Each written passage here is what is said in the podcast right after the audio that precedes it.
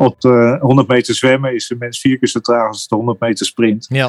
Ja. Uh, de, ja, dat, de mensen zijn niet echt gebouwd voor zwemmen. maar dat maakt het wel extra interessant. Welkom bij de Slimmer Presteren podcast. Jouw wekelijkse kop koffie met wetenschapsjournalist Jurgen van Tevelen en ik, middle-aged man in Lycra, Gerrit Heikoop. Over sport, onderzoek en innovatie. Voor mensen die hun grenzen willen verleggen, maar daarbij de grens tussen onzin en zinvol niet uit het oog willen verliezen. In deze aflevering praat ik met Jurgen over beter leren zwemmen met tips van zwemprofessor Peter Beek. Elke Nederlander bezit een zwemdiploma, maar goed zwemmen, dat kunnen er maar weinig. Waarom is zwemmen zoveel moeilijker dan fietsen of hardlopen? En hoe helpt het wetenschappelijk onderzoek de zwemsport in ons land? We vragen het onze special guest, hoogleraar bewegingswetenschappen Peter Beek. Voordat we beginnen, nog even drie dingen om aan te denken als jij zelf ook slimmer wil presteren. Nummer 1. Druk nu gelijk even op abonneren, zodat je altijd direct in de gaten hebt wanneer er een nieuwe aflevering online komt. Nummer 2. Weet dat je Jurgen en mij ook kunt boeken voor jouw volgende bijeenkomst als spreker of presentator. Neem gerust eens contact met ons op via de contactgegevens hieronder. En 3. Deze podcast wordt geproduceerd en gesponsord door Live Online Events. Serieus goede content rondom jouw congres of event. Check www.loe.tv voor meer info. Ja, Jurgen, Hey, goedemorgen. Goedemorgen, Gerrit. Hoe eh, gaat ie? Gaat goed. Nou een beetje Ja. nat achter de oren? Vanmorgen al in het bad gelegen? Vanochtend niet. Nee. Maar eh, nee, ik hou het eh, trouw bij hoor. Zeker. Ja, nou, ik Ja, meestal kom... woensdag, woensdagavond ben ik er. ben, ben jij trouw in het zwembad, hè? Ja, ik zeg iedere week dat ik meer wil zwemmen. Ja. Het lukt me nog niet zoveel, dus ik hoop dat ik deze week wat tips kan opdoen om een beetje de Ja. bocht af te snijden. Dat ik toch nog op tijd een beetje het zwemwater in kan in Het de is, volgende het is voor triathlon. mij wel het onderdeel waar ik het meeste bij aan het nadenken ben van eh, wat doe ik eigenlijk en eh, is dit goed of niet goed? Of, Ja, eh, hey, want voor de mensen die al lang luisteren, die weten dat ondertussen wel. Wij zijn triatleten. Ja. Maar als je kijkt naar onze afleveringen tot nu toe, wordt er veel over hardlopen gesproken, veel over wielrennen gesproken, gadgets. Maar we hebben het nog nooit over Nee. zwemmen gehad. nee, daar moesten eens veranderingen komen, vond ja, ik. met een bijzondere gast. Ja. Wie is Peter Eh, Beek? Peter Beek, ja, nou toevallig voor een, eh, een, een, een tv-programma wat eh, binnenkort eraan komt. Waar je bij betrokken bent. Waar ik bij betrokken ben, heb ik, kwam ik in contact met, want we hebben een aflevering over zwemmen. Ja. Mag ik niet te veel over zeggen. En, eh, Het gaat over Sportlab Sedok, ja, dat eh Precies. En Ja. toen kwam ik in aanraking met, eh, iedereen zei nou, dan moet je in ieder geval Peter Beek even bellen. Ja. En dat heb ik gedaan en uiteindelijk heb ik een aantal keren met hem aan de lijn gehangen. En zoveel al gehoord over het onderzoek wat gaande is en over de complexiteit eigenlijk van het leren van de zwembeweging. En wat, wat we daar nog vanuit de wetenschap aan, aan, ja, aan kan, eh, kan doen. Ja. Dat ik dacht, ja, volgens mij is dit een eh, perfecte special kijken. guest ook voor onze luisteraar. Wat Dus, leuk, eh, wat een ja. eer. En ik vind toch altijd leuk, onze gasten zijn vaak wetenschappers. Ja. En eh, hij is vanochtend bij ons. Peter, goedemorgen. Goedemorgen, Peter. Goedemorgen beiden. Ja, fijn dat je er bent. Virtueel live vanuit Amsterdam, gok ik dan, hè? Dat klopt. Ja, Vanuit leuk. Amsterdam. Ja. Goed dat je er bent. Eh, jouw onderzoeksveld is veel breder in de bewegingswetenschap. Maar we nodigen je vandaag eh, specifiek uit als zwemprofessor. Ja. Eh, is dat een, een, een geuzennaam die jou eh, goed valt? Ja, ik ben natuurlijk graag eh, eh, eh, betiteld als bewegingswetenschapper, want ik heb inderdaad die breedte. Maar eh, inmiddels mag je me na zoveel jaren inspanningen om het zwemmen beter te begrijpen ook best zwemprofessor noemen. Mooi. B- Want we begrijpen het nog onvoldoende. Nog steeds niet. Nou, het is natuurlijk eh, een, een, een ontzettend mooi en rijk eh, onderwerp, dat zwemmen. Eh, en daar zijn eh, ja, verschillende redenen voor. Eh, ten eerste heb je natuurlijk het water. Hè, eh, het water waar je je tegen afzet. Eh, het water wat de vriend en de vijand is voor de zwemmer. Want eh, aan de ene kant kan hij niet zonder dat water om zich voor te stuwen. Maar aan de andere kant creëert dat water ook de weerstand eh, die ja, ervoor zorgt dat hij niet al te hard kan, kan gaan. Um, nou, dat water, dat is een medium waartegen de afzet plaatsvindt. Maar dat medium komt dan zelf in beweging. Dat is natuurlijk een groot verschil met, uh, met hardlopen en fietsen. dat doe je tegen uh, de ondergrond. En ja, die beweegt niet mee met wat je daar aan het doen bent. Um, en dat maakt het direct heel veel ingewikkelder. Um, je kunt het, vanuit het perspectief van een wetenschapper kan ik me voorstellen. Want als je hieraan moet modelleren, rekenen, dat is meteen een heleboel variabelen, of niet? Ja, ja absoluut. En, en uh, hydrodynamica is ook een, uh, echt wel ingewikkeld uh, gebied, waar het ook moeilijk meten is trouwens. Hè. Ja. Um, want ja, die zwemmer die dan zich voortstuwt in dat water, die creëert allerhande wervels rond het hele lichaam heen. En ja, de, de taak daar voor de wetenschapper is te begrijpen wat goede wervels zijn en wat minder goede wervels zijn. Ja. Uh, en, en, en daarmee zeg ik al iets belangrijks, want er bestaat wel zoiets als goede wervelvorming. Ehm, en want soms dan zijn die wervels, ja, die leveren bijvoorbeeld drukverschillen op tussen de palm en de rug van de hand, die tot voordeel strekken. Nou, dat wil je dan weten en dat wil je benutten. Um, en, nou ja, daar kunnen we een boom over opzetten. Maar ja, ik wou zeggen, en dat, dat, willen we ook graag. Daar komen we uh, maar terug, ik zeg altijd, voordat we de diepte ingaan, laten we even bij de basis beginnen. In dit geval is de basis eh, in gesprek met een, een zwemwetenschapper. Uh, onderzoek rondom zwemmen, gaat dat eigenlijk altijd over hoe kunnen we sneller zwemmen? Is dat de kern van, van zwemonderzoek in, in, in een sportcontext? Nee, de, de, de sportcontext heeft heel duidelijk de breedte die jullie ook uh, noemen. Uh, we hebben enkele jaren terug, uh, ja, ik denk alweer vier, vijf jaar terug, een kennis- en innovatieagenda opgesteld met KNZB. met een aantal onderwerpen daarin. nou, de hydrodynamica, talent, Um, de biomechanica van starten en keren, uh, mentale factoren. Um, en ook uh, de, de zwemles van de toekomst, zoals we dat uh, noemen, is daar ook in een onderwerp. dus het gaat nadrukkelijk ook gewoon over de jeugd. Ja. En, maar misschien vind ik, vind ik dat, dat laatste vind ik wel leuk. Zwemles van de toekomst. Want we zeiden het al in... allemaal wel leuk. Vind ja. wel leuke hoofdstukjes. We kunnen allemaal zwemmen. Ja. Maar hoeveel mensen nou echt goed kunnen zwemmen? Hoe zit dat toch dat we, we gaan op zwemles? En dan, uh, ja, vaak ook met hangen en wurgen. Eindelijk heeft uh, ons, ons kind, ik heb er drie, die hebben het gehaald.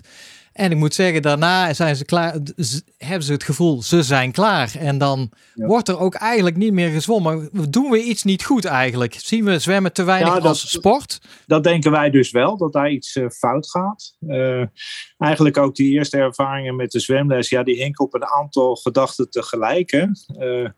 Uh, natuurlijk vinden ouders het heel belangrijk dat hun kinderen kunnen zwemmen om verdrinkingskansen te verkleinen.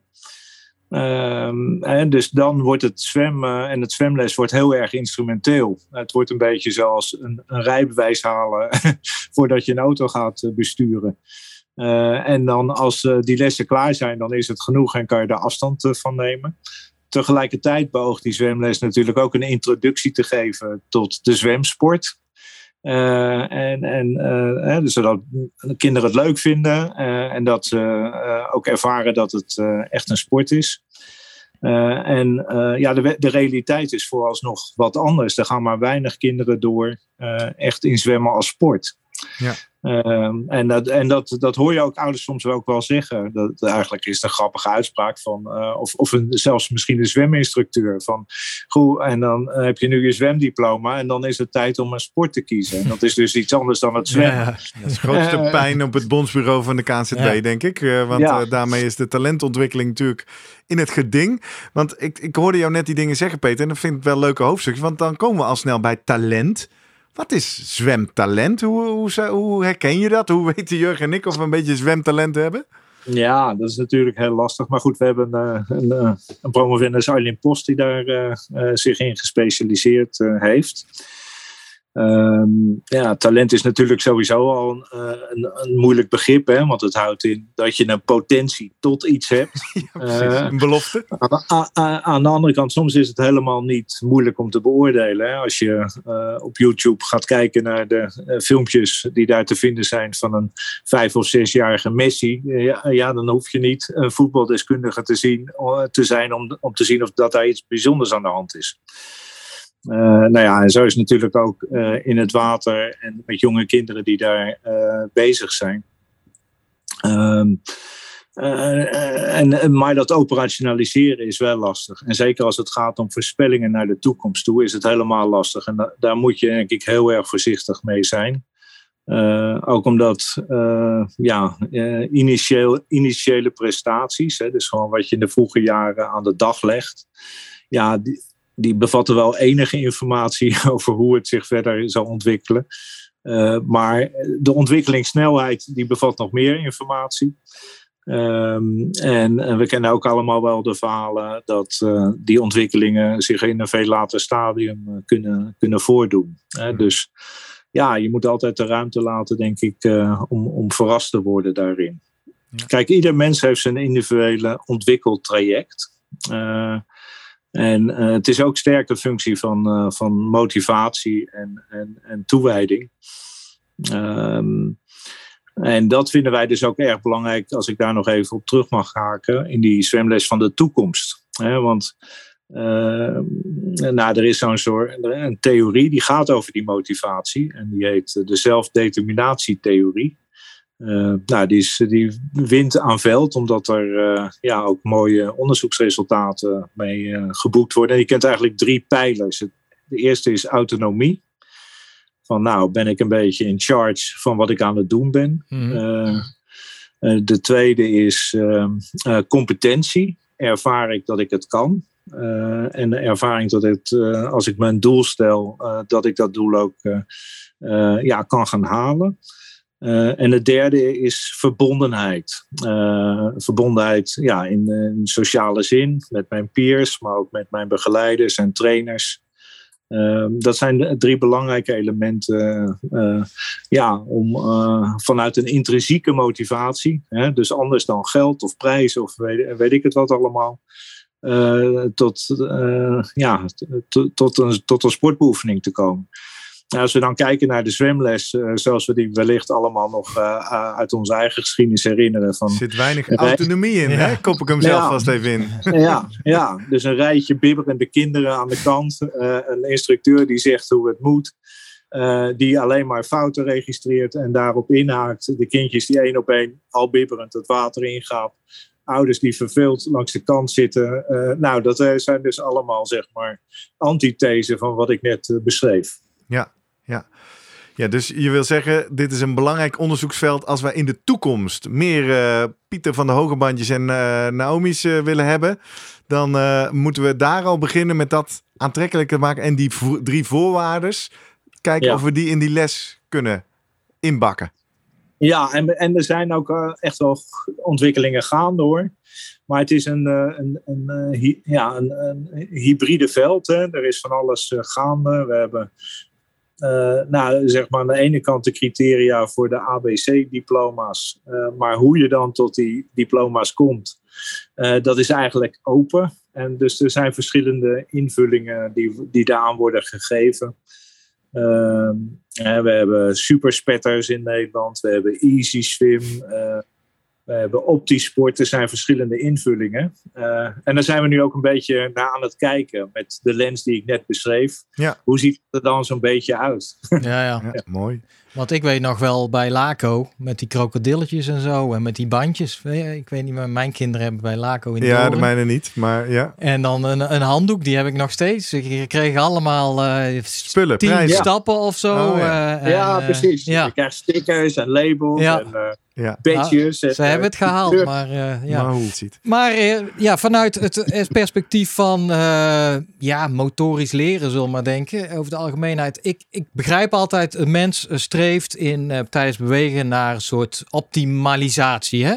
Dus die kiest door vaak iets te doen, te bijvoorbeeld bij het hardlopen of het fietsen, komt hij uit op de meest efficiënte manier van voortbewegen. Hè? Dus ook met, met pasfrequentie, et cetera.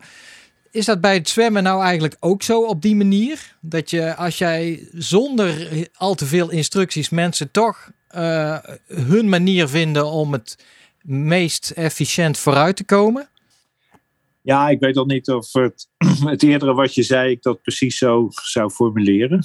Um, hoe zou jij, het, hoe zou jij het formuleren? Beantwoorden. Ja. Nou ja, kijk, kijk, als je iets vaak doet, dan, uh, dan zet je lijf zich naar die taak. Ja. Uh, even zo. dus uh, expertise wordt bijvoorbeeld door Ericsson gedefinieerd als een, een, een maximale aanpassing aan de taakeisen waar je voor staat. Uh, dus als je heel veel fietst, dan word je eigenlijk een beetje een fietser. Jouw lijf zet zich naar het fietsen. En als je heel veel tennis, word je een tennisser. Letterlijk ook in ja, de plekken waarop je eelt op je handen krijgt. Maar ook hetzelfde waar je eelt op je ziel krijgt. Op je tennisziel, zal ik maar zeggen. Uh, nou, dus in die zin zet je je naar die taak. alleen de moeilijkheid is dat dat zich zetten naar de taak uh, ja, geen garantie is dat dat ook op de optimale manier gebeurt. Ook eigenlijk hoe vaak je het ook doet. Uh, ik ben in de literatuur over zwemmen heel veel aardige voorbeelden over tegengekomen. bijvoorbeeld in de onderwaterfase na een keerpunt of een, uh, een start. Uh, ja, dat doen mensen dan op een bepaalde manier. en dat zijn topzwemmers, dus dat doen dat best heel goed. maar de onderzoekers die daarmee aan de gang gingen, die gingen dan uh, daarin uh, variaties aanbrengen door mensen het op een niet geprefereerde manier te laten doen. En wat ze vonden was dan dat bij een aantal van die niet geprefereerde manieren ze toch een betere prestatie hadden. Met andere mm. woorden, mm. uh, zelfs naar de absolute top is er geen garantie dat jij in een absoluut optimum zit voor je te leveren prestatie. En, je zit in toch even snel toetsen, Peter, sorry dat ik je onderbreek, maar dat vroeg ik net even in het begin. Is een betere prestatie meet je in de zwemwetenschap dan toch wel af aan snelheid, toch? Want het zou ja, kunnen dat dat niet optimaal misschien het, meest energie-efficiënt is, maar niet het snelst, weet je wel? Ja, nee, uh, heel goed een heel goed punt. Maar goed, ook als het over de triathlon gaat, hè, wat dan over meer gaat over energie-efficiënt, gewoon gezien de afstanden die daar overbrugd moeten worden. Uh, dan is toch ook het criterium uh, de tijd. Zeker, zeker, zeker. Ik wil ook niet. Uh, ik, ja. ik wil alleen even heel duidelijk hebben dat als we op zoek zijn naar verbetering, dan, dan zoeken we dus naar, naar, naar snelheid in de, in de Ja, we willen naar snelheid. En de kunst is dan zeg maar, ja, kijk, als je neem een 100 meter sprint, hè, dan hebben we een aantal onderdelen. De start, nou, die weer ook uit een aantal fasen bestaat. het zich zwemmend verplaatsen, het keren het nog een keer zwemmend verplaatsen en het aantikken. Mhm. Nou, op al die onderdelen is winst te boeken. Uh, op verschillende manieren. Ja. Waar, waar zit vanuit al jouw kennis en ervaring voor uh, zo'n amateur als Jurgen en ik, waar, waar, is nou laaghangend fruit? ik snap dat je veel onderzoek doet naar topsporters, die zijn al heel goed. Maar uh, waar, wat is nou onderdeel 1 waar je zegt, nou, als je nou eens wat efficiënter of sneller wil zwemmen, dan moet je daar eens beginnen met je aandacht. Ja. Uh, jullie doen aan borstcrawl, neem ik aan? Ja. Ja. de, nee, je wou zeggen, want anders had, je, had je die als eerste tip gegeven, toch? Van schoolslag naar borstcrawl. Ja. ja. Ja. Maar is, want, want dat is nog steeds. Ik vind het, het leuke aan het zwemmen nog steeds dat ze een categorie vrije slag hebben. En dat daar dan ooit de borstcrawl is uitgerold. Nou, ik heb, ik heb nog eens even wat onderzoek gedaan. Er was eerst de Australische crawl, er werd later de Amerikaanse crawl. Met in, in hoeverre de benen in, in wel of niet het ritme van de armen meegaan en zo. En uiteindelijk is dit nu het idee dat dit de snelste manier is. Maar soms denk ik, ja, als toevallig iemand anders het op een andere manier destijds had geïntroduceerd. De, de Engelsen destijds, die gingen uit van een met één, één kant maar, zeg maar, de crawl doen. Hebben ze heel lang volgehouden. Ja. Ben jij dus overtuigd dat, dat de boss crawl de snelste slag is? Ja, want dat was tip 1, hoorde ik. Ja. ja. Nou, van de bekende slagen, ja, zeker. Oké. ja, kijk, ik blijf een wetenschapper. Misschien vindt men er wel een hele andere slag uit die nog weer sneller is.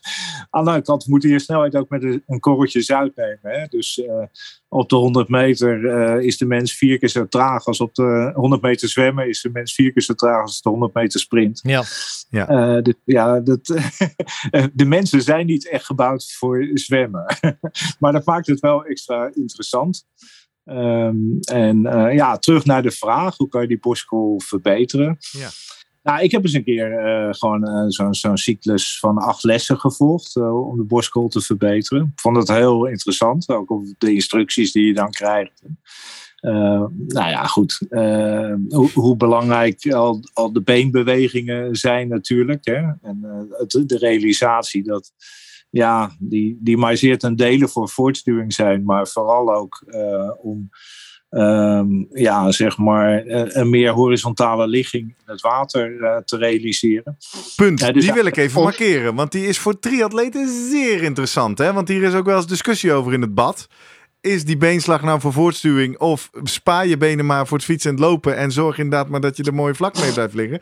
Als de zwemprofessor dat laatste nu betoogt, dan loop ik daar met veel plezier mee weg nou, uit deze ja, podcast. Het is, het is allemaal niet, niet zwart-wit, maar de ondersteunende functie van die, van die, uh, van die beenbeweging uh, om die juiste positie in het water te houden, die is, uh, is, is, wel heel erg belangrijk. ja. ja. ja. Ja, want kijk, het is toch een spel van weerstanden. Hè? Daar, daar begon ik uh, al mee. Ja. Uh, hè, dus als je zeg maar uh, ja, je frontale oppervlak klein weet te houden. Hè? Je kan dan eigenlijk een soort ja, lens zou je van de, de zwemmer van voren kunnen bekijken. En dan zou je ze, ze kunnen uittekenen. Uh, ja, een soort vlak waartussen die, die dan hangt. Mm -hmm. uh, nou, als die benen scheef, scheef naar beneden hangen, zo gezegd. Ja. Uh, ja. Ik trek die twee lijntjes, dan heb ik een groot frontaal oppervlak. Nou, dat wil ik gewoon verkleinen. op alle, met alle manieren die ik heb. Precies, al zou je dus alleen maar zorgen door wat te trappelen... dat je voeten, benen goed achter je hoofd blijven zitten, bij wijze van spreken... heb je daar al een ja. enorme winst. Nee, absoluut, absoluut. Ja. Nou, dit, doet, uh, dit vind ik ja. echt heel geruststellend. Want ik heb ja. voor mijn gevoel een hele slechte beenslag. Ja. Maar die ga ik nu mentaal omframen en zeggen... nou, ik ben in ieder geval mijn boel uh, aan de oppervlakte Ja, maar dan, dan, kom ik toch meteen van... we hebben heel vaak van die oefeningen... en dan moeten we alleen met de benen... bij wijze van spreken van tien baantjes soms. Ja, dat, mij lukt dat echt niet. Ik kom niet één, nee, één volle baan, zeg maar. Dus iedereen nee, zie je dan kijken... ik kan dit niet, dit is te zwaar. Nou, maar de, benen, maar de benen dragen wel bij aan de voortstuwing. Het is grofweg 1, 1 tegen 4 vijfde of zo. 20 tegen 80 procent. Ja. Uh, dus ze dragen er wel aan bij. Maar ik zou die ondersteunende functie van de ja. benen zeker ook uh, da daarin meenemen. Ja. Ik ga dan altijd Kijk, met Michael Phelps, Michael Phelps, die had ook een bepaalde lichaamsbouw. Met uh, ja, zeg maar een, een, groot bed voor de longen. En hij was natuurlijk lang. En dat, die lengte is ook een voordeel. Uh, nou, daar kan je helemaal niet veel aan veranderen. Maar als je lang bent, dan ja, is je golfweerstand lager. Uh, maar hij had ook verhoudingsgewijs uh, een, vrij, een vrij kort onderstel, zo gezegd. Ja, ja. Uh, en, en uh, liep dus minder gevaar dat dat allemaal uh, weggleed. Ja. Dus vind ik een mooie eerste tip. Ja. Beenslag. En dus ook goed begrijpen wat de belangrijke functie van de beenslag is. En dan dus niet, Jurgen, bij de training niet de beenslagoefeningen doen. Want er is ook voortstuwing. Ja. Maar de grote winst zit in het levelen. Mooi. Ja. Nou, als ja. we zo nog een paar onderdeeltjes kunnen analyseren. Ja, een ander bekend ding is dus met die, met die vingerspreiding. Daar is ook Nederland aardig wat onderzoek uh, naar gedaan. Uh, door uh, door Josje van Houwelingen van de TUE en Jerry Westerweel. die hebben dat allemaal bekeken. Dus ook Vertel, internationaal... handje dicht, handje open. Ja, handje dicht of maak van je hand een kommetje. Dat was dan uh, wel eens een tip. Dat is niet zo'n hele goede tip. Dat moet je niet doen. Want het is wat beter om uh, je vingers uh, licht te spreiden. zo is gebleken in allerhande onderzoek. En daar zie je ook eigenlijk wel dat toppers dat ook al, al, doen. Hè? Dus ja, in die ervaringen met het water vind je ook wel dat soort optimaal. Maar het helpt ook als je dit weet. Dus dat je Um, ja, wat is het? Iets van de 8 graden, 8 à 10 graden tussen die vingers uh, spreiding. Ja. Uh, en het, ja, dat is ook weer een interessante karakteristiek van het water. Hè? Want uh, ja, normaal, als je ze verder spreidt, dan schiet dat water te veel door. Maar als je de, de spreiding hebt waar ik het net over heb, dan heb je net een soort filmpje. Waardoor je gewoon een, een wat groter stu stuwvermogen hebt.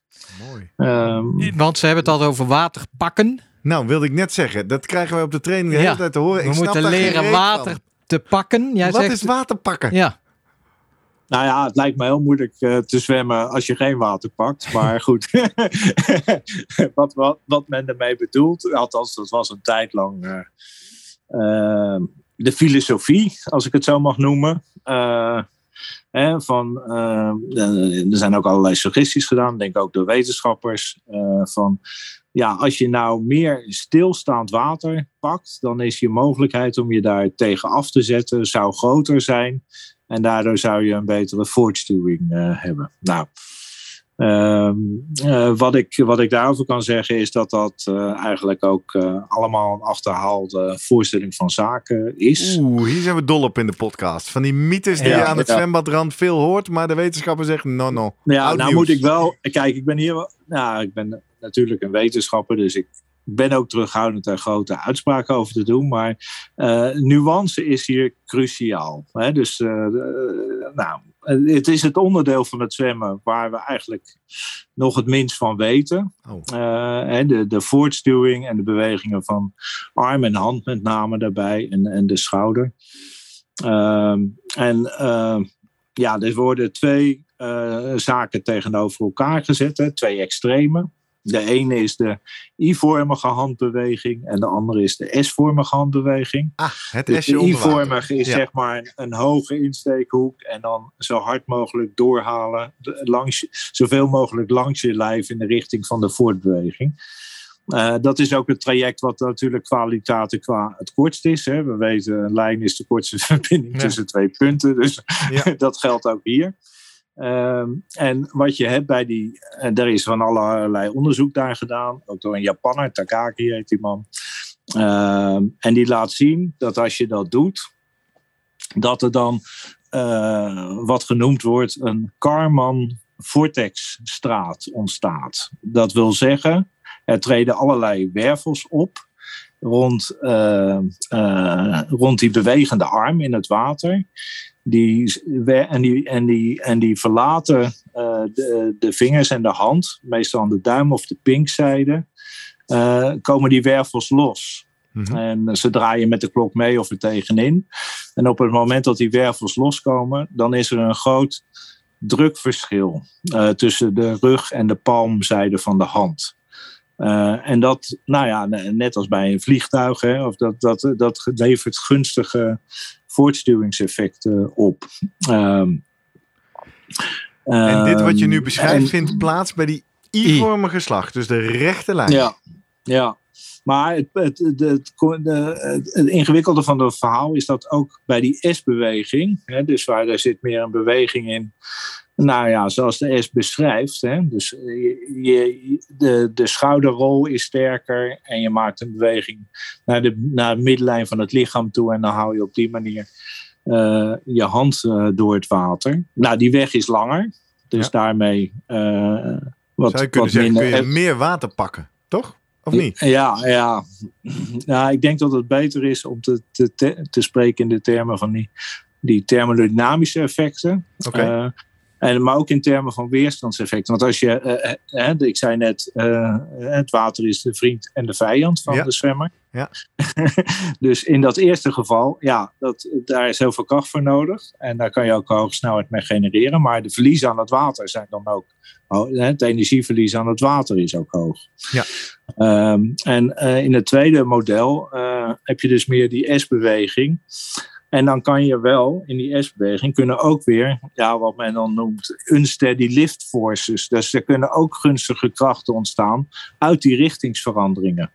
Dus ook daar zijn er bepaalde voordelen in hydrodynamische zin te vinden. Eh, dus alleen het zijn andere voordelen dan bij die andere, bij die I-vormige slag. Uh, en, de, en, hier is het zo, de weg is weliswaar langer, maar het energieverlies is ook lager. Ja. Uh, nou, en dat, is, dat levert een onderscheid ook op, wat voor jullie denk ik als triatleten wel uh, relevant en interessant is. Uh, en dat is dat je bij sprinters overwegend meer die I-vormige uh, slagstructuur terugziet. Dat is ook begrijpelijk uit het punt dat daar de explosiviteit voorop staat. Ja. Snel veel snelheid maken. Ja, en, en, die, en die grote energieverliezen voor lief nemen. Uh, en, en daarmee ook het uitgeput raken voor lief nemen. Uh, maar als je naar uh, grote, ja, langere afstanden gaat, dan kan je daar in een andere afweging komen, waarin efficiëntie en dergelijke meer een rol gaat spelen. en, als, en het is dan ook zo dat je bij die lange afstandszwemmers overwegend weer die meer S-vormige bewegingen ziet. Uh, en nou zijn dit twee extremen. Hè? Want uh, ik denk dat er geen zwemmer is die precies die I-vorm doet en die precies die S-vorm nee, doet. Exact. Dus het, het zijn constructen. Uh, maar ja, de meeste zitten dus meer naar de ene pool en naar de andere pool. En er zijn ook mensen die tussenin zitten. en dan kom je op een heel belangrijk punt. in mijn manier van kijken. En dat is dat ja, iedere zwemmer heeft een geïndividualiseerde techniek. Uh, dus eh, we, in de sport, maar ook uh, daarbuiten, of het nu over BMI gaat, over IQ of uh, allerhande zaken. We nemen een soort gemiddelde van de populatie als uitgangspunt. Hè? Ja. En dat is ons referentiekader. Het probleem daarbij is uh, dat geen enkel individu uh, precies aan dat gemiddelde voldoet. Mm -hmm. uh, en het is dus veel beter te kijken naar juist ook die coördinatieve kenmerken van het individu. En hoe je van daaruit kan verbeteren. en, die, en daar spelen heel veel factoren mee een rol. Kijk, als ik een, een, een, een voortstuwingstechniek benut waarbij de schouderrol uh, belangrijk is, ja, dan is ook de bouw van mijn schouders en de karakteristieken van mijn schoudermusculatuur spelen daar weer bij een rol. De antropometrie speelt een rol. Uh, dus ik, ik kan eigenlijk niet in een soort absolute zin iets zeggen over dit is de goede techniek en dit is geen goede techniek. Hoewel een aantal algemene beginselen, en die geef ik ook aan, over explosiviteit en over uh, efficiëntie, wel een rol spelen daarbij. En je zou dan dus kunnen gaan kijken. Uh, ja, ik, ik, uh, in, de, in, in de context van het uh, hardlopen zijn we bezig met een running coach die gebaseerd is op wat we noemen guided exploration.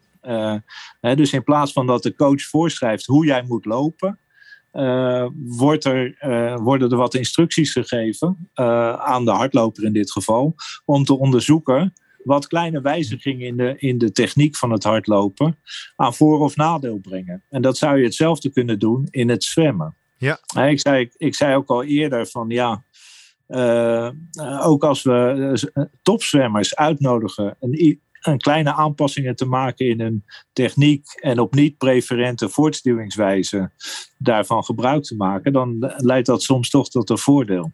Ja. Dus dat, ik, ik, ik, pleit voor deze vormen van ja, uh, verkenning van, van de eigen ruimte, ja. uh, ook, ook voor jullie zwemmers. dus dat... zit niet te veel vast. In, uh, ik doe het nou eenmaal zo en zo blijf ik het altijd doen en dit is het. En dan vind ik wel leuk dat je dat, want dit zijn, nou ja, je hebt, jij zegt heel veel over externe instructies of externe focus van aandacht, et cetera. Dit natuurlijk een S en een I. Daar kan ik me heel goed bij voorstellen hè, van wat dat is. Dat ook in het water, zeg maar. Maar hoe zou je dan iemand echt ja, die subtiliteiten kunnen instrueren? Want ik moet bijvoorbeeld denken aan een andere iets, iets van: oh ja, je moet je elleboog hoog houden uit het hoog water. overhalen, ja. Ja, dat is erover, en het gevoel van appels plukken of kersen plukken, volgens mij. Oh, dat je, nog nooit Nou, dat is iets van dat je dan naar voren uh, juist steekt en daar een kleine draaiing maakt. Oh. Uh, ja. ja, ik, ik doe het braaf, maar hoe ik het doe, weet ik ook niet. En hetzelfde geldt voor het frikken. Als, je, als we gaan frikken, ik heb eigenlijk geen... Wat, geen idee wat je aan het doen bent, toch? Nee, ik ook niet. Hoe moet je eigenlijk die instructies geven bij een zwemmer, bij wie het ook al... Kijk, bij het hardlopen kun je iemand anders kijken van hoe loopt hij eigenlijk hard. Maar bij het zwemmen, je ziet van de buitenkant zie je niks als iemand onder water ligt. Wat zijn de manieren eigenlijk om iemand dan die, ja, die zweminstructies te geven? Hoe uh, heb je daar een idee over? Ja, die, die, die voorbeelden die je, die je noemt, die zijn al heel sprekend, denk ik. Hè? Je zit dan in de sfeer van uh, de analogie of mm -hmm. de beeldspraak. Uh, en een beeldspraak is, uh, is interessant, omdat het, het is eigenlijk één regel. Dus in die zin één vorm van spraak. maar wat centraal staat, is dat er een beeld wordt opgeroepen waaronder ja, waarmee, waarmee heel veel is inbegrepen. Ja. En ehm, en eh, dat je er niet zo precies een voorstelling van hebt, maakt denk ik niet zoveel uit. He, vergelijk het aan een, uh, nou ja, ik, het voorbeeld wat ik wel eens geef is dat van een, uh, een, een, dansinstructeur die aan een ballerina vertelt, maak nu een arabesk waarbij de energie uit je vingertoppen wegstroomt. Nou, dat is een totaal, fysisch gezien, een totaal waanzinnige instructie. dat kan niet. Maar die danseres die weet dat wel te vertalen in een beweging met die karakteristiek. Of in ieder geval waar zij in haar voorstellingsvermogen een motorisch een, een expressie aan kan geven. en zo, dat is wel de wonderenwereld, denk ik, ook van, van die metaforen, die, die dan toch wel heel belangrijk zijn. Zo is, blijkt uit allerlei onderzoek dus met die, met die hoge elleboog, hè, de haaienvin uh, uh, nadoen. Ja, over uh, over de, voetbal, toch? Even over ja, de bal heen pakken. Heen. Ja, of met, met ja, de, de, de, de, de schoolslag leren, hè, het bekende kikker, vliegtuig, potlood verhaal. ja, dat, dat, dat is ook ik kende, appel, appels plukken kende ik nog niet. Ik snap daar wel ja. het rijken, maar dat draaien lijkt me tricky, Volgens mij toch? dat je daarbij dan even daar je appel nog plukt. Omdat je daar ook je kanteling van je hand maakt. Je steekt hem erin en dan ga je kantelen. Ja. Ik heb er nog wel eentje voor je. Goed. Hand, hand in je broekzak. Zodat je hem ja, ja. goed ver Als je doorhaalt naar achter. Bij je doorhalen. En we helemaal in je broekzak ja. stoppen. Ja.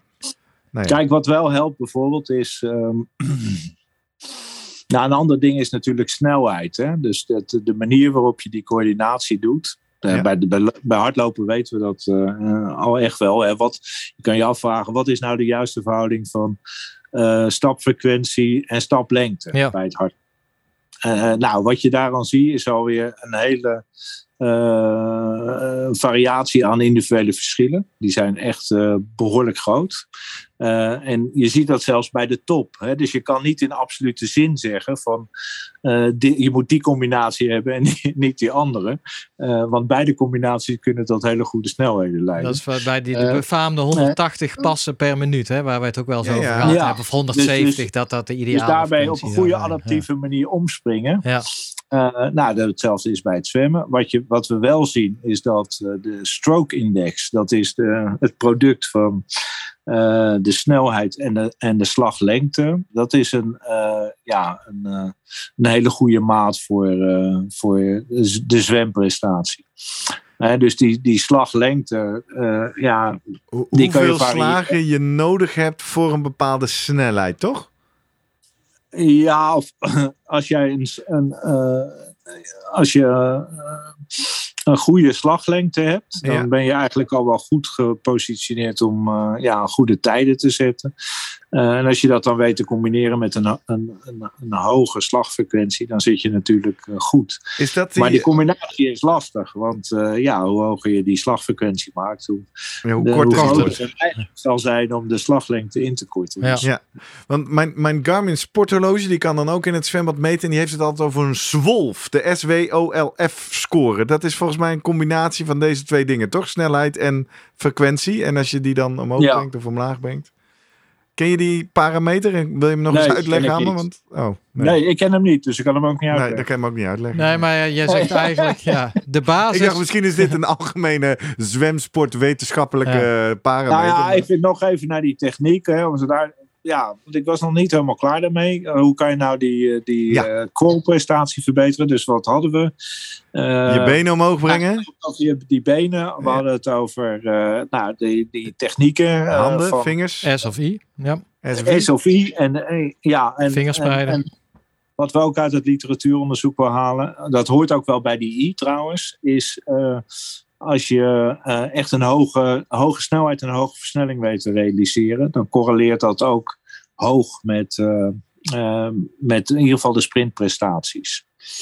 Ehm, dus ehm, ja, dat is natuurlijk ook iets wat dan weer aan het vermogen raakt. Hoeveel vermogen kan je überhaupt leveren? Ja, dus dat geeft ook een manier van kijken. Dat je zegt van eh, de, de vermogensbalans. Er is een hoeveelheid vermogen die die zwemmer kan genereren. Uit zijn eigen interne energiebronnen. Ja. Ehm, En uh, nou, dan is het de vraag, als dat, als dat vermogen hoog is uh, en je hebt uh, nog niet zo'n hoog rendement, ja, dan valt er natuurlijk veel te winnen door dat rendement te verbeteren. De efficiëntie van, van de voortstuwing. En dan moet je gaan kijken naar de, die vermogensverliezen. dus de, de drag-componenten, de weerstandscomponenten. Dan kom je uit bij de dingen waar we het al over hadden. Mhm. Maar dat vind ik wel interessant, want wij hebben het in het verleden, we hebben het gehad regelmatig over vermogen meten. Hè? En zoals mechanisch vermogen op de fiets, metaboolvermogen bij het hardlopen. Wat je eigenlijk refereert is gewoon uh, ja, het metaboolvermogen van het lichaam tijdens het zwemmen. Weet zoveel energie te genereren. Hoe dat om te zetten uiteindelijk richting snelheid. En dat gaat dan, nou ja, is afhankelijk van energie. Ja, in mechanisch uh, ja. vermogen. Dus maar kan, kan, je iets meten aan vermogen, aan mechanisch vermogen bij het zwemmen? Dat is waarschijnlijk gods onmogelijk, net zoals bij het hardlopen en het schaatsen. Omdat je niet in één vlak aan het, uh, nou ja, aan het, aan het bewegen bent, eigenlijk zoals bij het fietsen. Tenzij natuurlijk die armen wel zo. Zijn, zijn er schattingen inderdaad van uh, ja, mechanisch vermogen bij het zwemmen? Hoe doe je dat?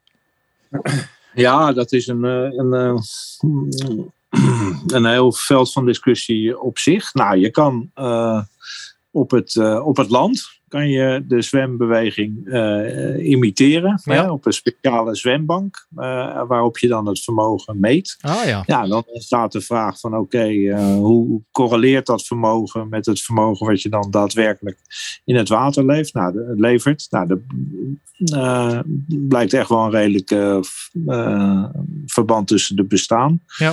We hebben in, nou ja, dat gaat al terug naar de jaren tachtig uh, is in uh, de Tongenreep in Eindhoven is, uh, het Measuring Active Drag systeem gemaakt.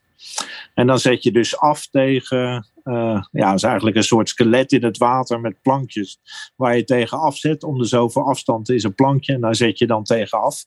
En dan kan je meten hoeveel kracht je op die plankjes levert. En dat combineren met je snelheid heb je ook een schatting van het vermogen. Maar die heb ik wel eens gezien. Jij Gerrit? Nee, dat je dan eigenlijk op de ja, volgens mij op de bodem is het zo'n beetje. Of het hangt in het zwembad eigenlijk een soort rail. Met plankjes waar je dan steeds aanhaakt. Klinkt dat een leuk proefje. Ja. ja. Ja. Dat zou je wel willen, dat helpt je wel, zeg maar. En dat is eigenlijk de manier waarop je, ja, op die manier kan je inderdaad wel ja, vermogen meten of kracht. En uh, zoals als met het fietsen. Ja, oké. Measuring active drag of uh, uh, ja, dus dat is ook een manier. Nou, en er zijn er andere uh, onderzoekers in de wereld die, uh, die gebruiken dan ja, een soort boeisysteem of een emmertje wat men achter de zwemmer aanhangt. Dan krijg je een soort toegevoegd, toegevoegd ja, weerstand. En dat kan je dan verrekenen met hoe het zonder dat gaat. En dan krijg je ook een schatting uit. Nou, het zijn allemaal verschillende manieren. Het probleem erbij is wel dat als je gaat kijken hoe sterk die manieren nu uh, tot dezelfde soort resultaat uh, leiden, dan valt dat behoorlijk tegen. Dus, het is nog niet vergelijkbaar met elkaar. Ja. Nee, is niet goed vergelijkbaar. Dus dat, dat is een probleem. Ja. Ja. Ook omdat de onderzoekers dan natuurlijk het meeste fiducie hebben in hun eigen manier van meten. Maar het zijn net mensen wat dat betreft. Ja. Klinkt wel als heel hard zwemmen. Iets waar je heel hard voor moet trainen en waar je heel erg moe van wordt. Moet je natuurlijk ook goed herstellen. Hè? Zullen we even heel snel een snelle hersteltip doen? Slimmer presteren gaat natuurlijk ook over slimmer bezig zijn tussen je trainingen door. Oftewel herstel. Daarom brengen wij iedere twee weken een korte, snelle hersteltip, powered door onze nieuwe partner BlackRoll. Deze week hebben we het over de tijd die nodig is om te herstellen. Jurgen, wat zegt de wetenschap hierover? Nou, wist je dat de herstelduur heel erg per sporter verschilt, zelfs wanneer ze van hetzelfde niveau zijn en even hard getraind hebben?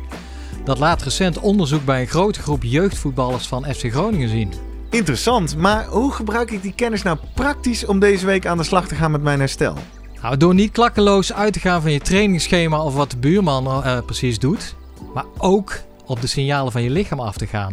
Dus als jij gewoon zware benen hebt, een keer een extra hersteldagje is niet verkeerd. Hmm, dan denk ik dat ik morgen maar eens even een rustdag neem. Powered by BlackRoll.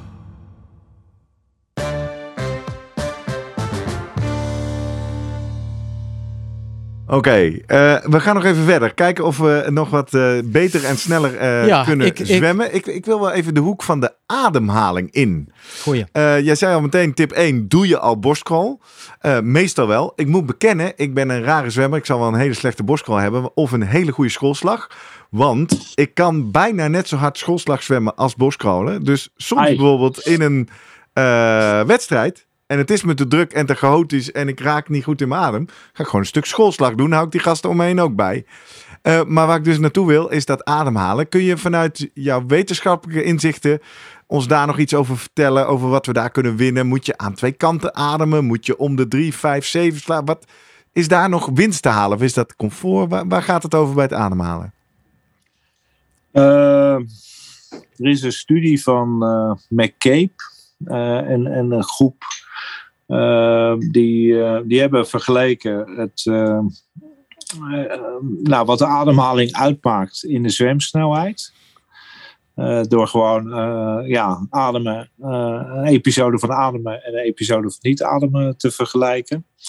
En het blijkt dan dat als je niet ademt, dat je ongeveer eh, 0,05 meter per seconde snelheidswinst hebt. En is dat in de Eh. context van zwemmen veel of weinig? Want dat zegt me niet zoveel, zo'n getal.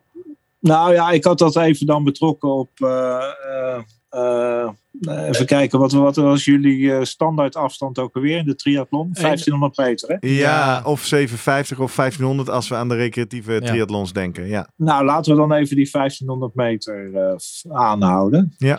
En laten we veronderstellen dat iemand eh 1,25 meter per seconde zwemt. Ja. 1,25, ja. Eh, nou, laten we beginnen met 1,20 meter per seconde. Nou weet ik hem wel. Ja. Eh, en dan kom je uit op ongeveer 21 minuten, heb ik zo even berekend. Dat is ja. eh, best snel. Ja. Ja, nou, dat haal Ja. ik wel hoor. Ja. Ja. Maar goed, als je dan naar 1,25 meter per seconde haalt. Hè, dus stel nu, je gaat alles eh, zonder ademen doen. Alles zonder ademen. Ja, nou dan Ja. haal je, dan ga je er Ja. heel lang over doen, hè? Maar dan haal je de finish niet. Ja, nee, daar hou je het niet. Maar gewoon even omwille van Ja. het argument. Ja. Dan doe je dat een minuut sneller, die Oh. afstand. Ongeveer een minuut sneller. Eh, nou ja, goed. Je moet natuurlijk ademhalen. Ja. Eh, maar om dat spaarzaam te doen, hè, dat is de, de kern van dit verhaal. Ja. Dat is dus wel een eh, voordeel. Dus het- als je het kan, is het daarmee gunstiger om nou, niet elke twee slagen adem te halen, maar bijvoorbeeld elke vier slagen. Als je Ja. dat kan opbrengen. Dus dat is dan elke twee slagcycli. Precies. Eén één keer overslaan in het eh, normale Ja. iedere Ja. slag ademen. Ja. Ja, Maar gaat dat Eh, niet meteen ten koste van je, nou ja, je snelheid, omdat je toch even met een adembeperking aan het zwemmen bent? Lees dat dat. eh, Zuurstoftekort. Ja, of zuurstof, of dat je, je efficiëntie, je, je verbruik van zuurstof even niet helemaal goed gaat, anaeroop, eh, bla bla bla. Ik hoor Peter wel zeggen, als je dat Nou, kan, hè? Ja. Ja. Of hoef ik me daar geen Nee, zorgen maar over goed, te ik ga maken? er even vanuit. Kijk, als je eh, eh, om de vier slagen ademhaalt, dan moet dat echt wel voldoende zijn. Ja. Om gewoon in zo'n eh, ja, op efficiëntie ingerichte zwemprestatie dat voor elkaar te krijgen. Ja. Eh, alleen ja, het vergt wel dat je het coördinatief ook eh, goed kan behappen. Ja. En dat je, ja, eh, dus eh, je zal dat je aan moeten leren om dat eh, zo te doen. Ja, Een alternatief is elke drie slagen, maar dan krijg je natuurlijk dat je bilateraal gaat ademhalen. Ja, oftewel zowel links als rechts, om het maar even... ja, zowel links of rechts, ja, om Ja. het even in die taal te zeggen. Ja. Ja. En is dat voordeel, nadeel? Of zeg je nou, wetenschappelijk gezien of qua snelheid maakt het niet zoveel uit? Nou ja, goed. Eh er is dus winst mee te Ja, ja omdat je behalen. al zegt, omdat je al zegt, je slaat alweer één slag over. Ja, ja, ja. Dus in die zin Ja. is er winst. Ja. Ja, Nou Als ja, triatleet is nog wel een ander voordeel, want je kan beter om je heen kijken als Ja. je aan allebei de kanten ademt. wij oefenen vaak 1 op 3. Juist Ja. volgens mij met het argument om. Allebei de kanten. Ja, Coördinatie. ja. nou, waarom is dat belangrijk, allebei de kanten? Dat is Nou, nou interessant. Ja, volgens mij voor twee redenen. Heel praktisch. Eh, in het buitenwater heb je natuurlijk geen zicht. Dus als je links en rechts kan kijken, kun je beter eh, overzicht houden over wie er naast je zit of dat je nog op parcours zit. Bovendien heb je buiten natuurlijk nogal wel te maken met wind. En stel nou op een slechte dag, je hebt vooral wind van links en je kan alleen maar links ademen, heb je de hele tijd golven in je Nou ja. ademmond. Dan wil je ook rechts kunnen ademen, zodat je van de wind af kan ademen. Dus Nou ja, ja. dat En is twee- 1 op 5 dan feasible? Nou, dan ga ik terug naar jou, Peter, als je dat kan. Ik denk dat ik dat in wedstrijdomstandigheden uh, niet kan opbrengen. Tenzij ik misschien ooit uh, richting de echt langere afstand. Nee, het lijkt mij ook aangetrokken. Maar 1 op, 1 op 3 is zeker een goede mogelijkheid dan. Ja. Ik denk nog een tip die van mij zelf komt, is gewoon, en het mag, een pak. Wij triatleten mogen wel een pak aan als de mits de temperatuur niet te hoog is. Ja, bedoel je nu zo'n zo'n neopreen uh, ja. wetsuit pak? Ja. ja. Uh, en dat geeft natuurlijk drijfvermogen, sowieso. Ja. Ik denk dat dat uh, toch wel een, uh, een tip is voor iedereen. Of, en, en maakt het dan, moet ik dan een extra duur en dik pak dat nog meer drijfvermogen geeft? Je hebt net gehoord hoe beter je aan de ja. oppervlakte ligt, hoe minder het werk. Ja, wat ik begrijp van de literatuur ook uh, daarover is. Um, ja, dat, dat er een uh, 10% of zoiets uh, weerstandsreductie uh, met die pakken ontstaat. Ja, 10%? Zo. Ja. Mooi. Ja, weerstandsreductie. Hè? Dus hoe dat vertaalt precies in tijdwinst, dat, ja. dan moet je dan Maak kijken. ik weer even een praktische wedstrijdtip voor alle triatleten, beginnend triatleten, aspirant triatleet, die bijvoorbeeld 11 juni aan de UHTT triathlon willen meedoen hier op de Utrechtse Heuvelrug train even zowel met als zonder pak. Want als het natuurlijk opeens zomers wordt, het water wordt warm en je hebt altijd met pak getraind, je moet opeens zonder. Schrik je Ja. een Ja. apenzuurtje over hoe, hoe diep je dan inderdaad komt te liggen en hoe zwaar het wordt. Dus eh, wees altijd op Nee, allebei ook dat is interessant. Hè? Dus wij hadden het over die adaptatie. Hè? Ja, Dus als je traint met de, met de pak, dan, ja, dan adapteer je aan dat pak. En dan word je dus een, een triathlon Een pakkenzwemmer. atleet die, die het zwemmen doet met pak. Ja. Ja. Ja. Dus als je daar dan mee opbouwt, dan is dat een, een nadeel. Absoluut. ja komen we in een, een, een bruggetje, je refereerde net al aan toen je zei de verschillende onderdelen waar je onderzoek naar doet. Eh, we hebben het al even kort gehad, zwemles van de toekomst. We hebben het kort gehad over allerlei dingen met eh, hydrodynamica, drag. Ja. Jij noemde mentaal. Daar ben ik wel even Ja. nieuwsgierig naar. Wat, wat voor onderzoek doe je dan? Welke inzichten breng je eh, in het mentale aspect van zwemmen? Ja, die, die huls is leeg op het moment. Oh, hè? jammer. Ik dacht al meteen, hé, hebben daar zit wat. Ja. We hebben daar ideeën over. We hebben ook al, eh, nou ja, er zijn ook wel dingen benoemd die we daarin zouden kunnen doen. Eh, nou ja, de, de ene kant is gewoon, de, de- of gewoon dat zijn de, de visualisatiezaken, de Ja. mental rehearsal. Maar ook eh, ja, met, met, met nou, de wedstrijdsituatie en alles wat daar omheen eh, speelt. Ehm, eh, ja, daar beter op, op voorbereid te zijn. Door dat bijvoorbeeld in een, eh, in een VR-achtige omgeving eh, al een keer mee te maken en dat te anseneren. Eh, dat, dat waren ideeën die daarbij een rol speelden. Ja. Eh, maar Ja. we hebben dat, die, die- dat project nog niet ingevuld. Jammer. Nou, dan pak ik even de gelegenheid. En je hou je vraag vast, Jurgen. We zo terug bij het water.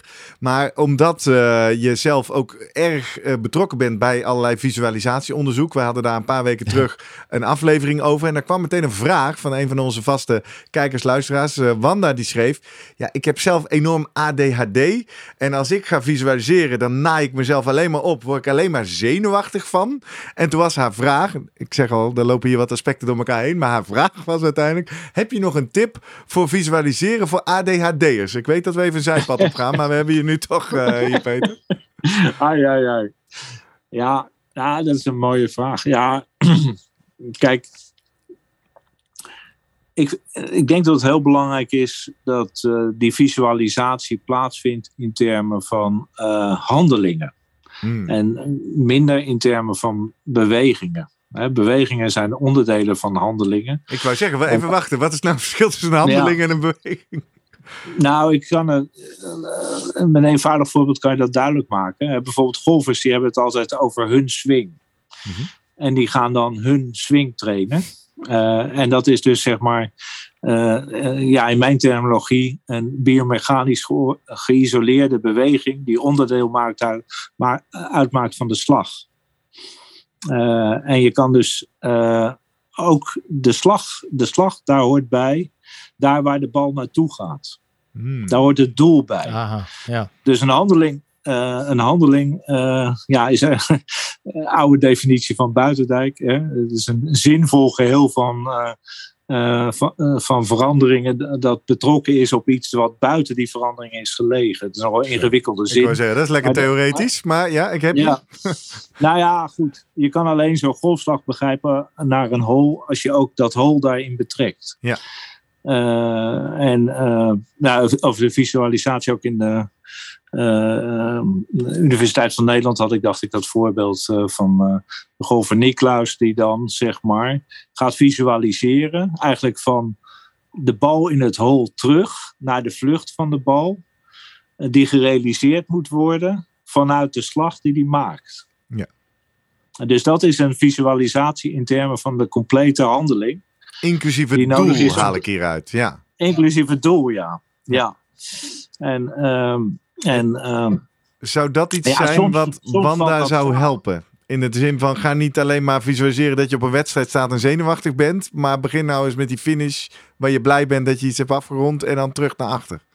Ja, ja, er kunnen natuurlijk mechanismen gaande zijn waarom dat visualiseren in de, in de context van die, van, dat, van die wedstrijd extra stress opwerpt. En, en daar kom je dan niet, niet nee. van af. Nee. Maar we weten wel uh, uit, uit studies dat als je erg je aandacht gaat richten op de beweging als zodanig, hè, van hoe moet ik dat nou precies doen, uh, dat dat vaak ondermijnend werkt voor de prestatie. Ah.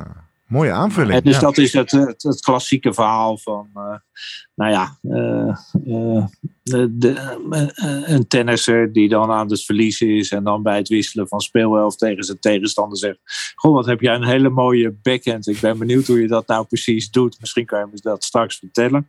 En dan gaat die ander daarover nadenken en die mooie backhand, die lukt dat toch niet zo goed meer. Wat een mooie tip. Ja, die houden we erin. Hè? Als we eh, voor Geert op de pedelbaan staan. Ja. Uh, uitstapje was dit. Naar visualiseren. Aflevering 92 voor iedereen die nu pas onze podcast ontdekt. Terug naar het zwembad. Ik zat nog even, jij zei 10% eh, hè, weerstandsvermindering met zo'n pak. Toen dacht ik meteen, ah, wij mogen natuurlijk bij de triathlonnen gewoon in de slipstream van anderen doen. En hoeveel zal dat uh, opleveren? We weten natuurlijk bij het wielrennen levert het heel veel op. Bij het hardlopen al een stuk minder. Je moet ook dicht op elkaar. Uh, hoe, weet jij hoe het bij het zwemmen ongeveer zal zitten? En, en kun je ook in de verkeerde uh, slipstream komen? Omdat die, ja, het water doet zulke onvoorspelbare ah, dingen ja, zoals de, jij beschrijft. De goede en de slechte wervelingen. Waar moet ik op letten? Ja, nou, ik weet wel dat die Jerry Westerwel, die ik te noemde eerder in het uh, programma. Uh, dat hij hier een aantal studies uh, naar gedaan heeft. en als ik me goed herinner, maar pin me er niet op vast, is het zo dat je zowel voordeel kan, kan hebben door achter iemand te liggen, als ook door voor iemand te liggen. En dat is iets waar uh, de meeste mensen niet aan denken hier, omdat ze helemaal de slipstream uh, metafoor ja. voor de geest hebben. Uh, maar het laat ook weer zien hoe, hoe complex dit soort interacties ja, want dan word je natuurlijk door de boeggolf, hè? word je een beetje voorgestuurd. Nou, ik weet van Bert Blokke, de windtunnel in Eindhoven bij het wielrennen, dat dat ook zo is. Ja, dat hè? klopt. Dat, dat achter je zit. Ja, dat, dat, ja dus je had die optimale configuratie. Ja dat je loopt nou ja, met een aantal mensen achter je en een aantal mensen voor je. Ja, precies. Oké. Ja. Nou ja, ja. Ik... Er is nog wel een ander project wat recent gestart is, wat misschien toch wel even ja, leuk. is te Uh, en dat gaat over uh, ook adaptatie op uh, training. dat is een project zowel bij PSV Voetbalclub als bij het zwemmen. Uh, en dat is een, uh, gebaseerd op een uh, techniek die we daar hebben om met echoscopie, dus van buitenaf, de spieren te bestuderen. hoe is die spier, nou, hoeveel, hoeveel, vezels zijn daar? nou, dat is iets wat een vast gegeven is, maar wat is dan de spiermassa en hoe, hoe, hoe ontwikkelt die spier zich en zijn functionaliteit als functie van trainingen? Uh, en uh, ja, wat we weten is dat uh, een functie van de manier waarop men zich aanpast aan training sterk individueel bepaald is. dus je hebt niet, niet alleen zeg maar ja, een, een, genetische grondslag voor spierkenmerken, maar ook de manier waarop die spieren reageren op trainingsprikkels. ja, goed, en dat is nog maar net gestart. Dat dat project. Ehm, maar op die manier kunnen we dus zeg maar geïndividualiseerd gaan kijken hoe, hoe mensen adapteren op trainingen. in termen van spierbouw en werking. En je zegt dat doen we bij PSV voetbal en dus bij het zwemmen. is er een reden dat je dat bij beide doet? Of heb je, verwacht je verschillen? Of, of is het toevallig twee topsportplekken waar je toegang toe hebt?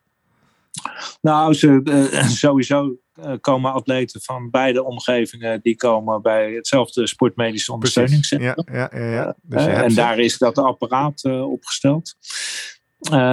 Maar het is ook wel ja, wetenschappelijk gezien interessant. Hè, want in het voetbal heb je natuurlijk uh, allerhande posities. En voetbal is een combinatie van, ja, laten we zeggen, explosieve kwaliteiten en, en meer uithoudingsvermogen kwaliteiten, of in ieder geval uithoudingsvermogen kwaliteiten om herhaald explosieve acties te plegen. Uh, nou, je kan je dan profielen maken voor uh, verdedigers, voor middenvelders, voor aanvallers. En het soort van ding wat je dan snel ja, graag ziet. En natuurlijk hoge snelheid en explosiviteit bij de aanvallers. En misschien mhm. dure elementen bij, bij middenvelders. Ehm, nou, en bij, bij zwemmen hebben we natuurlijk ook uh, de sprinters en middellange afstandszwemmers. dus we kunnen dan ook profielen maken en kijken, nou ja, ook uh, waar een individu, zeg maar, bijvoorbeeld in het zwemmen dan zijn optimum zou kunnen vinden. Is dat bij 100 meter of bij 200 meter of misschien bij 800 meter? Waar iemand zich dan naartoe zou kunnen ontwikkelen, afhankelijk van de manier waarop die op die trainingsprikkels reageert. Plus misschien wel interessant, vind ik bij het zwemmen, is natuurlijk dat je en met armspieren te maken hebt, schouder, arm en been. En dat je daar ja. full body. Ja, en daar toch andere nee, dat prikkels ook dat krijgt. De manier waarop de, de, benen bewegen is natuurlijk toch heel anders dan. Uh, ja. En misschien het verschil tussen de I en de S zelfs gaat oppikken, qua trainings, qua prikkel.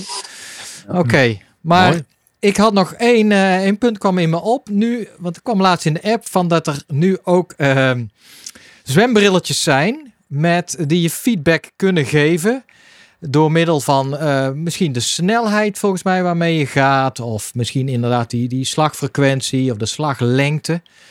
Dus dat je tijdens het zwemmen, want dat is iets anders natuurlijk normaal bij het hardlopen, het fietsen, kijk je wel eens op je tellertje hè, van uh, wat is mijn snelheid. Misschien sommige mensen kijken naar hun vermogen tegenwoordig. dat kan bij het zwemmen eigenlijk allemaal niet. Want je kan wel een horloge omdoen, maar je hebt die tijd niet om daarop te gaan kijken. Maar je zou dat via uh, je zwembril die getallen wel kunnen, die data kunnen geven. Ja. En op die manier feedback kunnen geven. Een gadget. Wat vindt de zwemprofessor is dat, ervan? Is dat een, ja, hoe kijk jij daarnaar? Kan, kan dat helpen inderdaad de zwemmer? Uh, Nou ja, wij, wij zoeken ook naar manieren om, om, om feedback te geven, wat natuurlijk uiterst belangrijk is. Uh, bij, bij dat onderwerp is uh, hoe goed is de informatie die verschaft wordt. Hè? Uh, hoe goed kan de sporter daarmee uit, uit de voeten om de techniek aan te passen om tot een betere prestatie te komen? Want daar, daar gaat het om. Mm dus wat zou voor een en zwemmer er zijn dus verschillende wegen van of je weet dat een bepaald facet van de bewegingsuitvoering, hè, zeg uh, de hoek die een elleboog maakt of de hoek die de schouder maakt of uh, de, de frequentie voor mijn part bij een bepaalde snelheid. Uh, nou, daar kan je dan feedback op geven. Dan is de vraag hoe goed kan de sporter dat vertalen in een aanpassing van de beweging. Ja. Ik denk dat bij iets als de frequentie dat relatief uh, nou, dat dat bijvoorbeeld meer kans van slagen heeft of beter voorstelbaar is uh, in het geesteszelf van de sporter, hè, dan, uh, laten we zeggen, die ellebooghoek. Ja, ik, ja. ja, ik heb zo'n aardig filmpje ook van Laveber. Dan gaat de golfer en dan zegt hij van, ja, dan zegt de coach tegen me dat ik mijn schouder hoger moet houden. en dat klinkt als Chinees van mij. Ik heb geen idee wat ik dan moet doen dus dat is ook feedback. Uh, maar dat is niet feedback waar men makkelijk mee iets kan. Uh, een ander ding wat hierbij een rol speelt, is dat al die variabelen die men dan in kaart gebracht heeft, dat zijn eigenlijk variabelen in, geïsoleerd. En wat je krijgt natuurlijk als je op één zo'n variabele feedback gaat geven, dat er allerlei andere dingen ook veranderen. en, en dat is een groot, groot gevaar. Want als je een detail van zo'n beweging verandert, ja, dan verandert ook het totaal. En, en, en daar moet je wel mee uitkijken. Het gaat natuurlijk om de prestatie. Hè? Dus hoe het ging bij de starttrainingen. Nou ja, bijvoorbeeld van, uh, ja, van Ranomi destijds.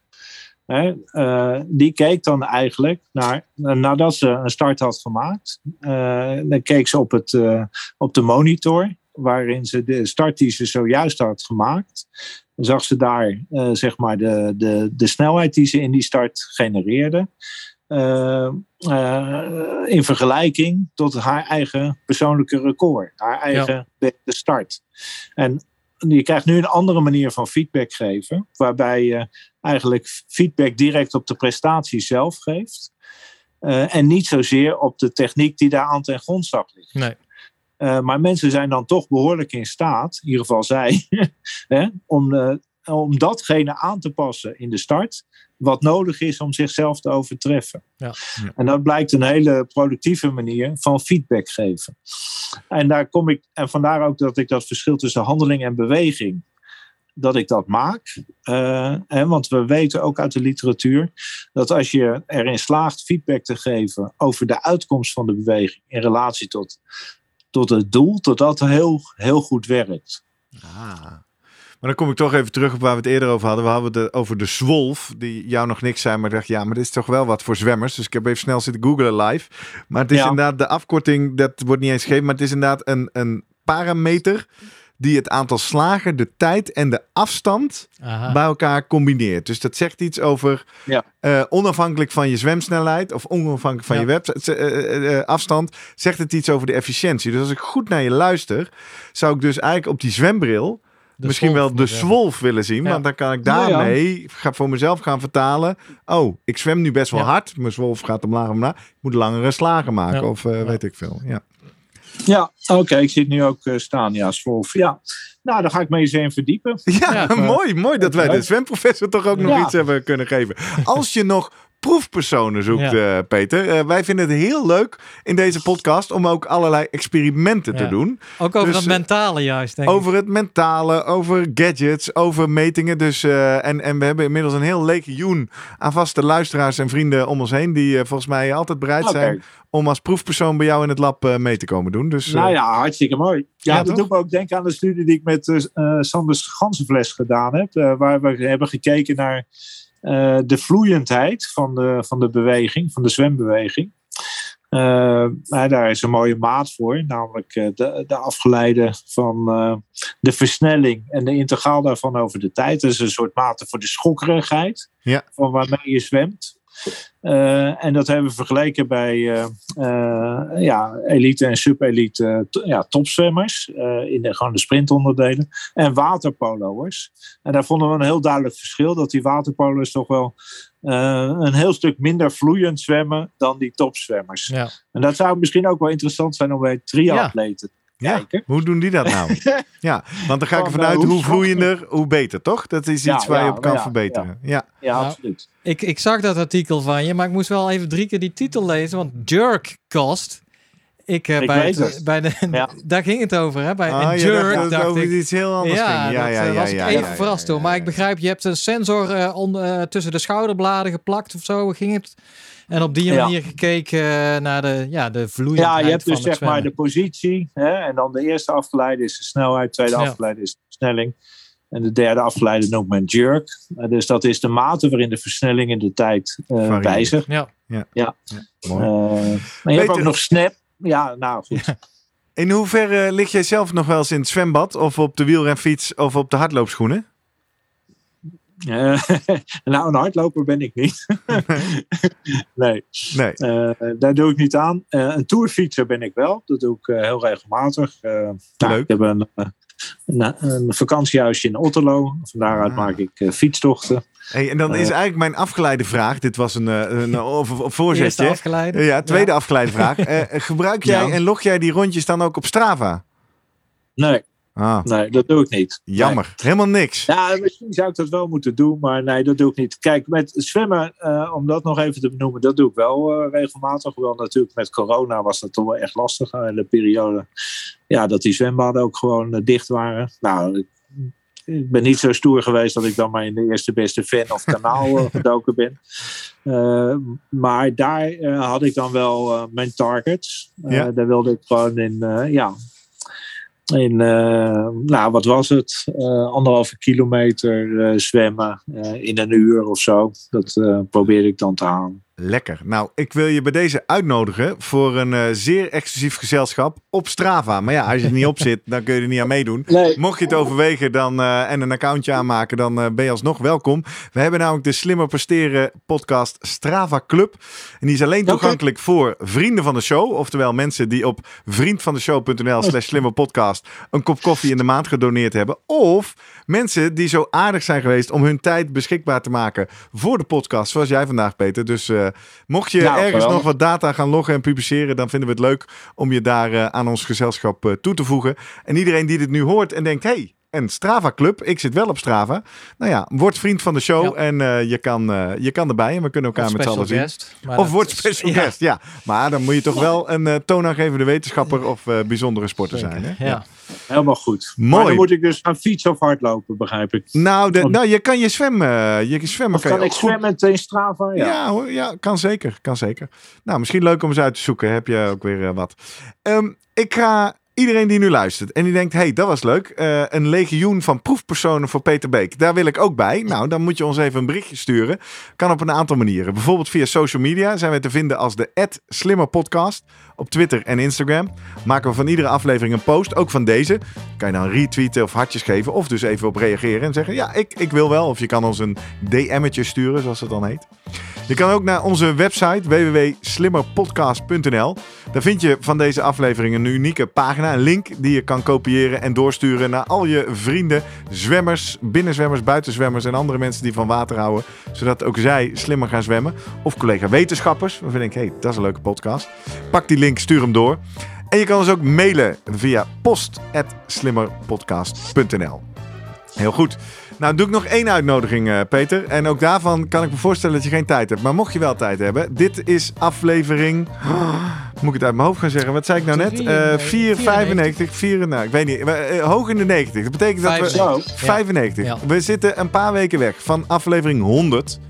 En die gaan we opnemen op zaterdag 21 mei. Live met publiek en gasten als die dat leuk vinden. Ik snap Nou, Amsterdam, Utrechtse Heuvelrug is een heel stuk tourfietsen. Maar eh, je bent van harte uitgenodigd om er eh, die dag bij te zijn. En ook die uitnodiging is voor alle luisteraars die zeggen... hé, hey, dat zou ik ook wel mee willen doen. We gaan... eh, Nou, dat lijkt me hartstikke leuk. ja, toch? We gaan koffie drinken. Ja. We gaan een opname maken over het onderwerp placebo. We gaan de vloer ook geven aan andere, iedereen in de zaal voor vragen, aanvullingen, opmerkingen. Dus als wij sportprofessor Peter Beek in de zaal hebben, komt daar vast een mooie rijke aanvulling op. En eh, daarna gaan we lekker lunchen met worstenbroodjes en optioneel nog met elkaar eh, een rondje fietsen of lopen. Dus eh, ik zal je alle details toesturen. En iedereen die luistert kan dat ook vinden op slimmerpodcast.nl slash Ik vroeg webshop. me af, komt een collega van ook Geert, Geert, Savelsberg? Nou, die heeft nog niet gereageerd. Er komen wel al een aantal andere special guests. Patrick Stastra, de schoenen-expert, Ja. komt. Eh, Mariska Versprundel eh, komt. eh, de wetenschapsjournalist, hardloopster. En nu moet ik ook... Oh ja, Wouter Duinersveld. Oh ja. De uh, Oh, atleet leuk. met het boek Ja. hier in de stapel komt ook. Dus Ja. kortom... Geert heeft over eh, ath- Athletic Skill Model gesproken. Ja, Ja, een paar klopt. weken terug. Mooie Ja. aflevering geweest. Dus eh gaan die van ja, luisteren. ja. Helemaal goed.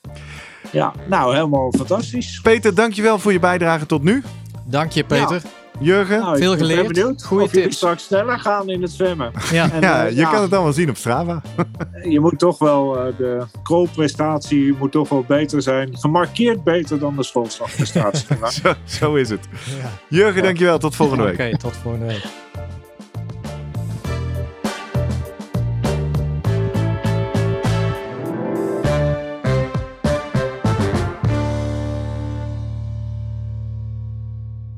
Nog even goed om te weten. Wij ontvangen zowel financiële als materiële ondersteuning van een aantal commerciële partners. Deze partners hebben op geen enkele wijze invloed op de inhoud van onze podcast. Hey, pst. Voordat je weggaat, denk er nog even aan. uilentorenloop.nl. Dan zien we je de eerste zaterdag van juni. Tot dan!